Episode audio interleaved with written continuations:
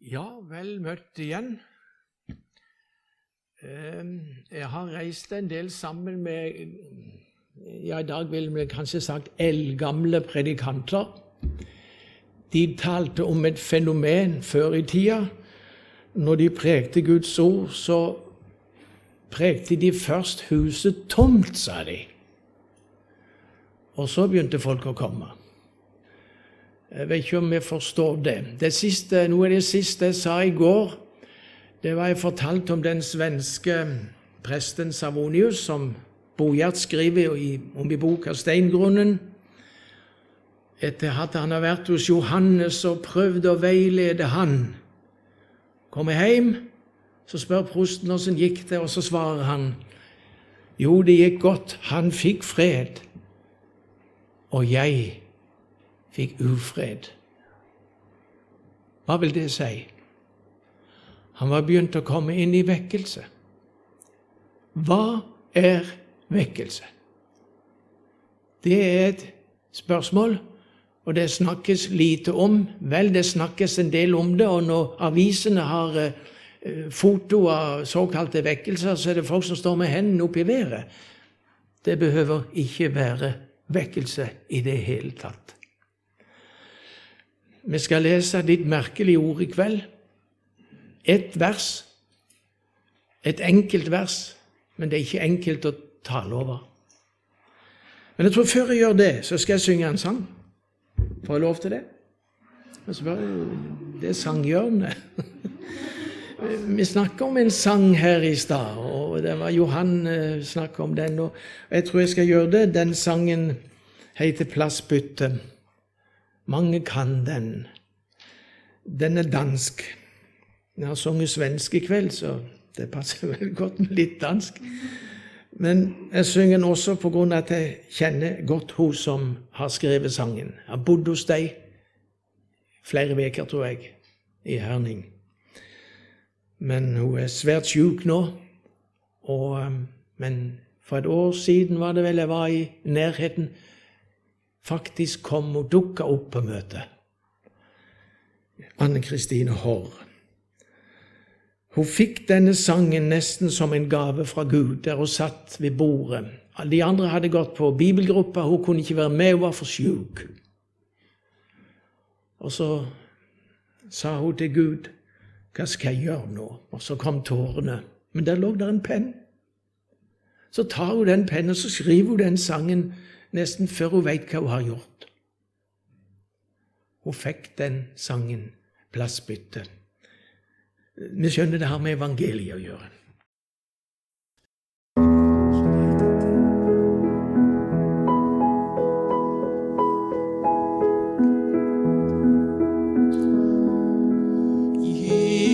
Jesus, nå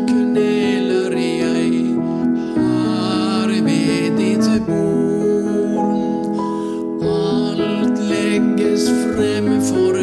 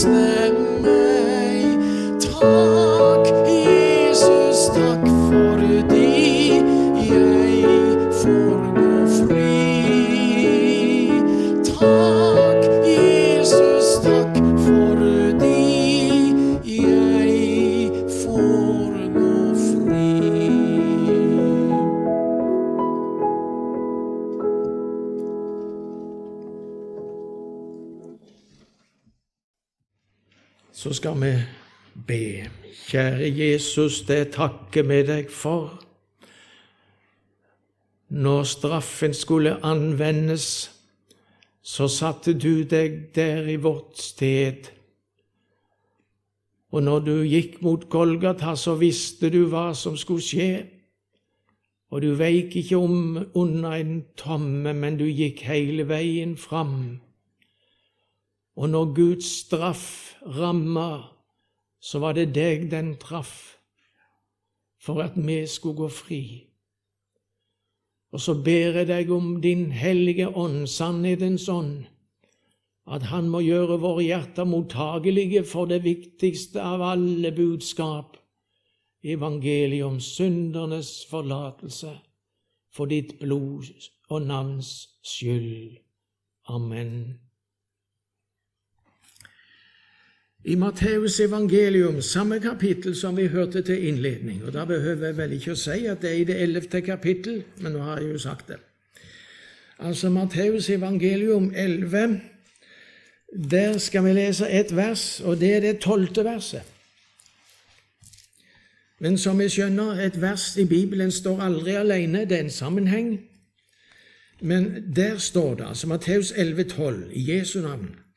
Men fra døperen Johannes' dager til nå trenger de seg inn i himlenes rike med makt, og de som trenger seg inn, river det til seg. Amen. Det var et merkelig ord. Det har med vekkelse å gjøre. Ja, men er det sånn at vi må rive oss lite for å komme inn i Guds rike? Er det slik at hvis vi bruker alle våre krefter på å komme inn, så klarer vi det, men hvis vi ikke gjør det, så, så, så Det står på oss, altså. Er det sånn? Vi har jo lært i forklaringa, eller vi burde ha lært det. Jeg tror at jeg ikke av min styrke eller fornuft kan tro på Kristus eller komme til Kristus, min Herre. Men det er Den hellige ånds gjerning som har kallet meg ved evangeliet. Er det ikke sånn? Jo, det er sånn det er. Likevel. Hvis ikke det skjer som står i det verset, så blir du aldri frelst. Det er noe Gud ønsker du skal få se. Nå har jeg reist rundt i Norges land i mange år og bodd i mange heimer. Og da er det ofte noe som skjer. Det skjedde mer enn én en gang, skal jeg si deg. Og det er ofte mor i huset som tar predikanten med bort til et hjørne eller veggen hvor det henger fotografi. Og så sier hun det, der er sønnen vår. Ja, det er kjekke hva det. Og så forklarer hun hvor han bor, og 'Der er datter vår'.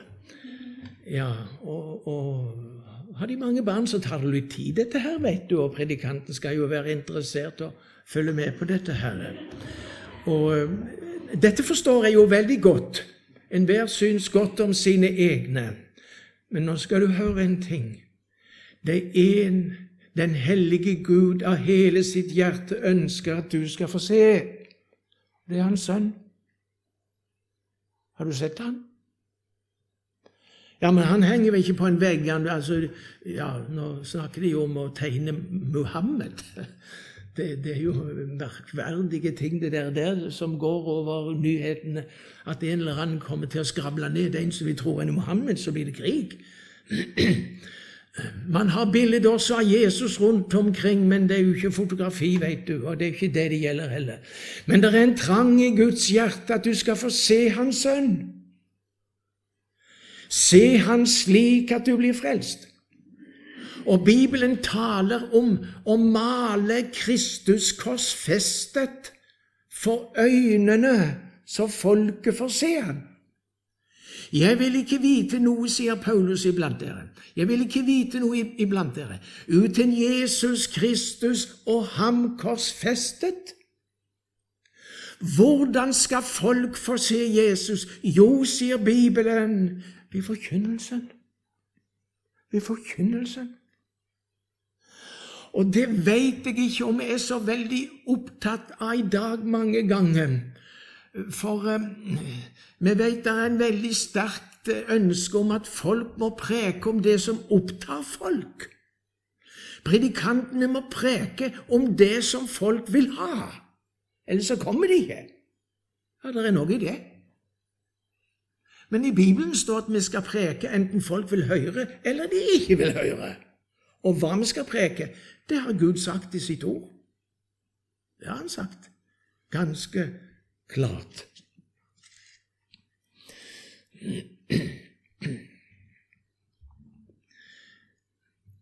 Gud ønsker at vi skal få se Hans sønn. Det er helt klart ifølge Guds ord. Men det ligger noe bak. Jesus har gjort noe som var helt nødvendig for din frelse. Hadde ikke han gjort det, så kunne du bekjenne dine synder. Og jeg, På onsdag talte vi, vi vel litt om dette. Og vi reiste verden rundt og forkynte syndernes forlatelse, og Jesus ikke hadde litt soningsdøden på Golgata kors, så hadde ingen hatt syndernes forlatelse likevel. For uh, synden måtte sones, Den måtte betales. Derfor er ikke det viktigste at du bekjenner dine synder, ellers det står klart den som skjuler sine synder, har ingen lykke, den. Langt ifra. Den som ikke vil uh, bekjenne sine synder, han kommer til han med knut, knutte never. Du får ikke lagt mye i den. Ja. Vekkelse, det er blant annet at du kommer med ei tom hånd og sier 'jeg har ingenting', Men, og det jeg må ha, det må jeg få hos deg.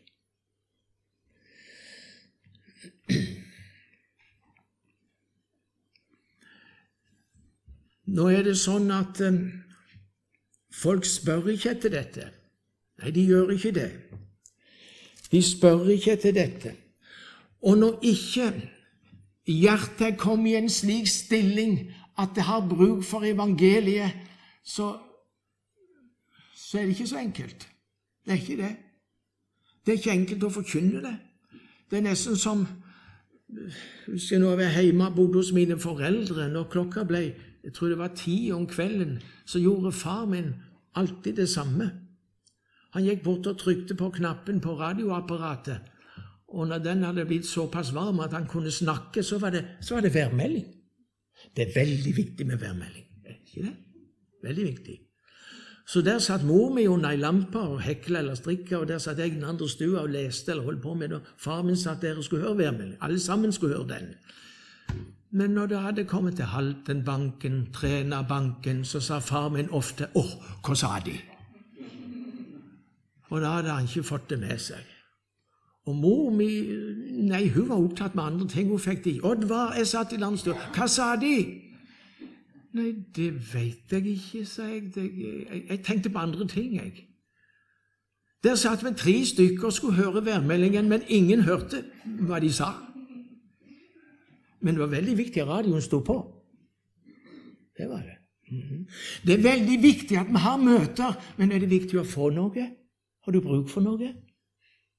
Men hadde min yngste bror vært der, så hadde han hørt værmeldingen. Det er jeg sikker på. For han, han var fisker i den tida. Og han hadde, var avhengig av godt vær for å komme på sjøen. Han hadde bruk for det. Sånn er det når Gud vil frelse mennesker, så må han skape behov for dette i hjertene. Og her har vi med vekkelsen å gjøre, og vi har lest et underlig ord fra døperen Johannes. Jesus satte veldig pris på døperen Johannes. Hvorfor gjorde han det? Var det fordi han forskrekka folk? For det gjorde han. Var det fordi folk ble sinte på han? Ja, det gjorde de òg.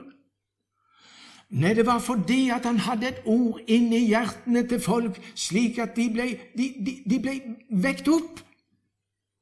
Og, og, de spurte hva skal vi gjøre? I det ellevte verset står det Der sier Jesus noen større enn døperen Johannes er ikke oppreist blant dem som er født av kvinner, men den minste i himlenes rike er større enn han. Det er jo et merkelig ord. Ja. Altså, han, han vurderer Johannes døperen til å være veldig stor person, viktig person, og profeten i den gamle pakt talte også om døperen Johannes. Denne merkelige mannen som sto i ørkenen, var kledd i, spesielle klær, spiste eh, honning og, og gresshopper, står det. Merkelig mann. Men han forkynte. I dag ville man sagt du kan ikke arrangere møter i ørkenen. Da kommer ingen. Det ville vi sagt.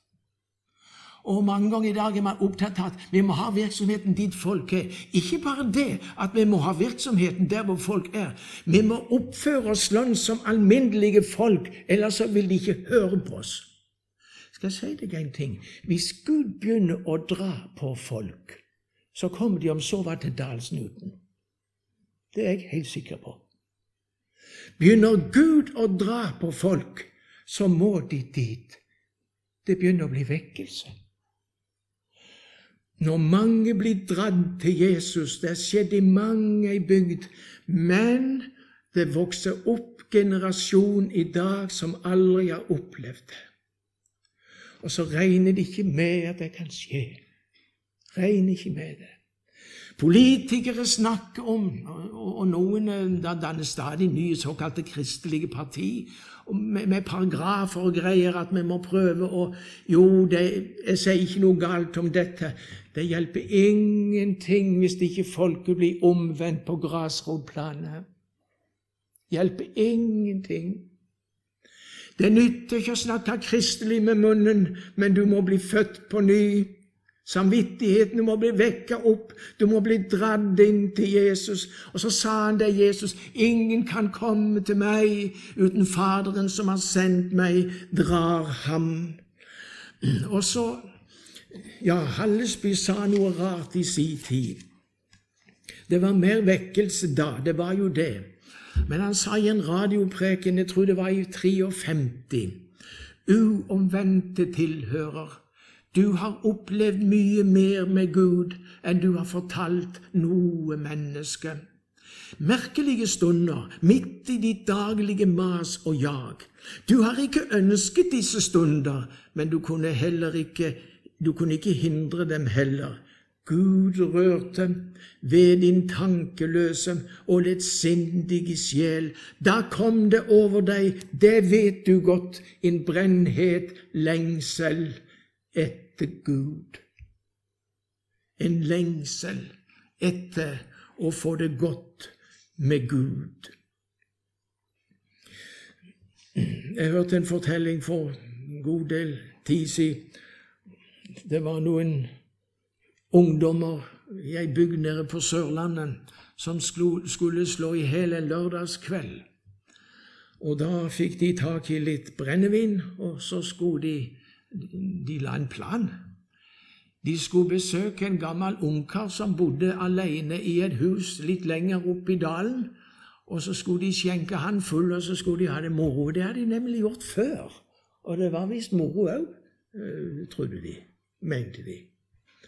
Jo da, de fikk tak i både brennevin og, og, og, og, fikk komme inn til denne mannen. Men det disse ungdommene ikke visste, det var at denne mannen var kalt av Gud.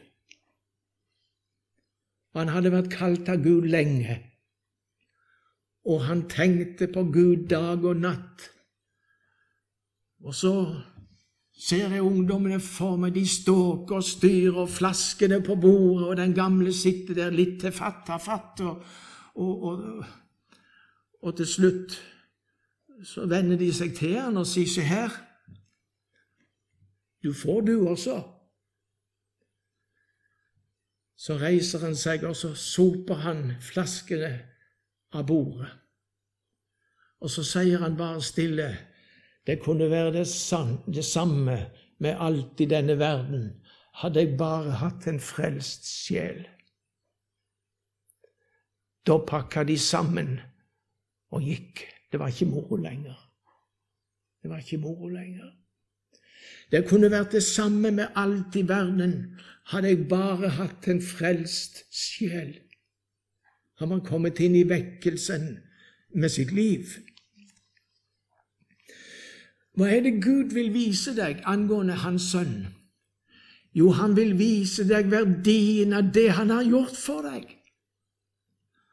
At han har kjøpt deg til Gud ikke med sølv, ikke med gull, men med sitt dyrebare blod. Det er det han har. Nå er det sånn at eh, ja, i Norge bruker vi snart ikke pengesedler når det gjelder verdi lenger. Men hadde jeg gått ned i butikken her og med denne 200-lappen og, og, og, bedt om å ja, skulle betale for meg varer, så hadde ikke jeg fått noen ting, for den er ikke norsk. Den er ikke norsk. Den valuta Gud brukte når han kjøpte oss fri fra lovens forbannelse, det er himmelsk valuta. Det er Guds verdier. Og det setter ikke folk pris på, bare noen ganske få. Det, det må åpenbares. Jeg skal ta et bilde igjen.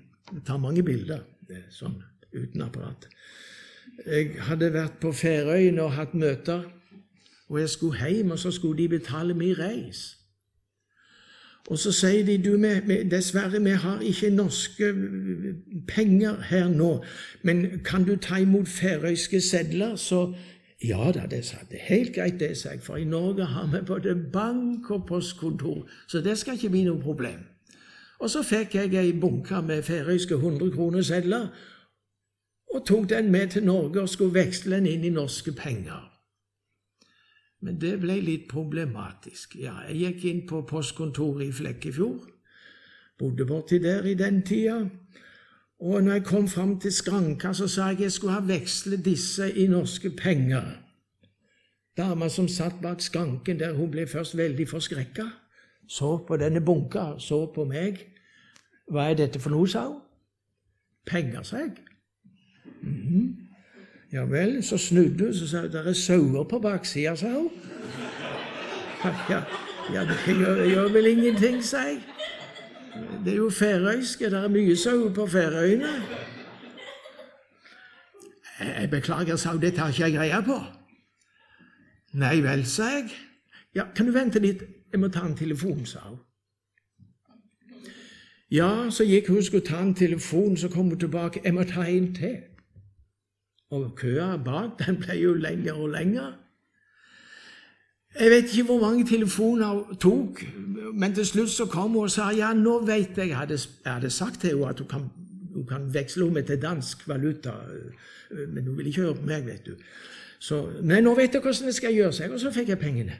Men jeg, når jeg sto der, så tenkte jeg hvis ikke det skjer en overbevisning i hennes hjerter om at dette er penger og virkelig har verdi, så får ikke jeg et øre.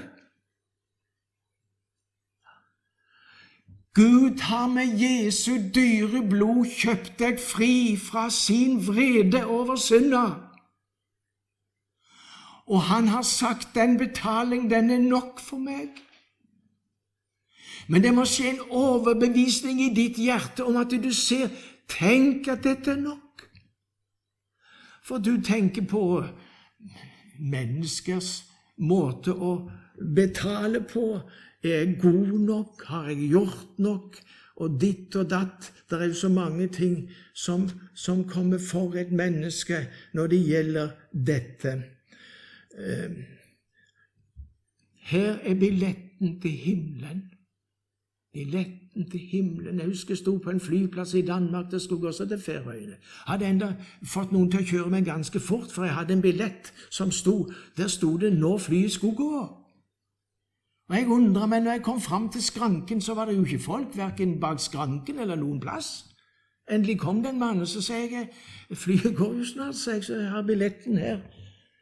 Og Han ble aldeles forskrekka, så på billetten og så på meg. Hvor har du fått tak i den billetten, sier han. Den har jeg kjøpt i Norge, sa jeg. Ja, jeg beklager, sa han. Det, det må være veldig lenge siden du kjøpte denne billetten, for at det går ikke noe fly nå. Er det ikke det, sa jeg. Men det står her Jeg har det jo i hånda mi. Vi har vært vant til at nå har jeg en billett i min hånd og skal til bestemt sted, og det står på billetten når flyet går, så er det sikra vi reiser og alt sammen. Det var det ikke. Hva skal jeg da gjøre, sa jeg. I morgen går det et fly, sa han. Og du har jo betalt, så det, det, det er greit, det. Så kom igjen i morgen, sa han. Ja, ja, jeg måtte jo det, da, vet du. Jeg måtte jo det. Men det var Det var betalt. Men sånn Når du skal til himmelen og ha himmelbillett, så er det mange som tenker jeg må jo ha billetten i min hånd. Jeg må ha gode gjerninger. Jeg må ha Guds frykt. Og ikke minst, jeg må ha troen. Har jeg troen? Og, og så står du og stirrer på dette her, hva du har. Du, jeg skal si deg hva du egentlig må ha. Du må få se hva Jesus har i sine hender. Det er det du må få se. Det er uttrykt alt det du har skaffa deg, og alt det du har. Det står nemlig noe om dette hos profeten Esaias. Det står nemlig det i um, vi se her I eh, kapittel 49 og vers 16 sier begge mine hender Hva har han der? Han har naglemerker. Han har naglemerker, men han har noe mer. Si begge mine hender har jeg tegnet deg. Dine murer står alltid for meg. Altså, i sine hender har han tegnet deg for aldri å glemme deg. Forsoningen er vunnet i Jesu Kristi blod. Han ble såret for deg. Dette kommer til deg i et budskap. Og det er det som er det store, at du skal få lov å høre det og bli frelst. Men det, ordet vi leste, professor Wisløff, han sier om dette verset der hvor døperens budskap får trenge inn, og evangeliet får lyde til frigjøring, der får folk en fart i seg. Koste hva det koste vil. Dette må jeg ha tak i. Dette må jeg ha tak i. en plass oppe i Trøndelag. Jeg skulle på aldershjemmet holde andakt, eller sykeheimen. Og han jeg bodde hos, han sa da skal du bare låne bilen min, sa han. Og så ga han meg nøkkelen. Ja, jeg har ofte vært på aldershjem og hatt andakt, og det er alltid veldig gildt. Og jeg hadde satt meg ute i bilen, det var litt dårlig vær, det var litt glatt på veien, og jeg tenkte den tida nå, det, det, Jeg må ha tida nå, altså. Og jeg satte meg der i bilen og skulle akkurat til å kjøre. Hadde starta motoren. Tror du ikke han, han som eide bilen, kom for å prate? Og jeg måtte rulle ned eh, vinduet. Eh, og jeg må bare innrømme jeg, jeg gjorde som jeg hørte etter. Eh, men jeg hørte i grunnen ikke så veldig godt etter. Endelig var han ferdig med å prate, og jeg rulla opp vinduet og kjørte. Men da skjedde det noe. Blikket falt ned på viseren som viser bensinmengden på tanken, og den sto på null. Ja, han sto ikke bare på null, han sto under null. Det var så vidt jeg så viseren, så tenkte jeg Kjære meg, jeg kommer aldri på gamlehjem på denne måten. Det, dette går ikke bra. Det er ikke bensin på tanken. Så jeg bremsa opp, parkerte bilen i en liten busslomme, tror jeg det var, skrudde av tenningen for å spare de siste dråpene og tenkte hvor er det bensinstasjon? Men så kom jeg til å tenke på hva var det han sa da når jeg rulla ned vinduet? Og jeg, jeg, jeg måtte vri litt opp i tankevirksomheten her, for, og så gikk det opp for meg hva han egentlig hadde sagt. For jeg gidder jo ikke høre etter, for han, jeg, jeg, tror jeg vet ikke hva jeg tror. Han hadde sagt du, den der bensinmåleren den skal jeg ikke bry deg om, for den er i ustand. Der er full tank, sa han. Han hadde fylt sjøl. Hva tror dere jeg gjorde da? Jeg kunne ha kikka ned på bensinmåleren og sagt å nei, den, står på null, jeg kan ikke kjøre, jeg. kan ikke kjøre, jeg. Jeg ser det med mine egne øyne. Det som du ser på ditt liv, ditt syndige liv Jeg kan ikke være Guds barn, jeg, sånn som jeg er. For jeg kommer under, under Guds dom, for Gud har uttalt seg at den som synder på den måten som du har gjort, han skal dø. Han arver ikke Guds rike. Men det var en annen tanke som begynte å krige mot den tanken, og det var det. Det var sagt noe. Og det var han som eide bilen. Mm. Når det gjelder din frelse, så er det sagt noe, og det er han som har skapt deg. Det er han som har gjenløst deg. Og han har sagt han er såret for dine overtredelser. Han er knust for dine misgjerninger. Han har sagt straffen lå på ham for at du skulle ha fred, og ved hans sår har du fått legedom. Det vil si full tank. Det går mot himmelen. Men det var budskapet. Hvem trodde vel det budskap som vi hørte, sier Jesajas? Hvem trodde det? Ja, det var det. Og det kommer til deg også dette budskapet. Ja, da starta jeg bilen og kjørte frimodig videre. Jeg gjorde det, altså. Men eh, nåla sto på null. Og nå er det godt at du ser at nåla står på null her, så ikke du bygger på det, men på det han har sagt og forkynt og talt til deg. Galaterbrevet 2,21. Jeg akter ikke Guds nåde for intet. For er rettferdighet å få ved loven, da er altså Kristus død forgjeves. Nei, vi veit rettferdighet er ikke å få ved loven, men vi tror på den rettferdighet vi får ved troen på Kristus, rettferdigheten av Gud på grunn av troen. Så takker vi deg, Herre Jesus, for at du er god, og din miskunnhet varer til evig tid. Og vi takker deg for syndernes forlatelse. Vi takker deg for fred med Gud. Du er vår fred, du som gjorde det ingen andre kunne, men du har gjenfødt oss til et levende håp. Ser du noen i kveld som er utenom denne frelse, så ber jeg at du må stanse det. Du må sende vekkelse inn i hjertene, så det blir en trang der inne. Koste hva det koste vil. Vi må ha tak i dette.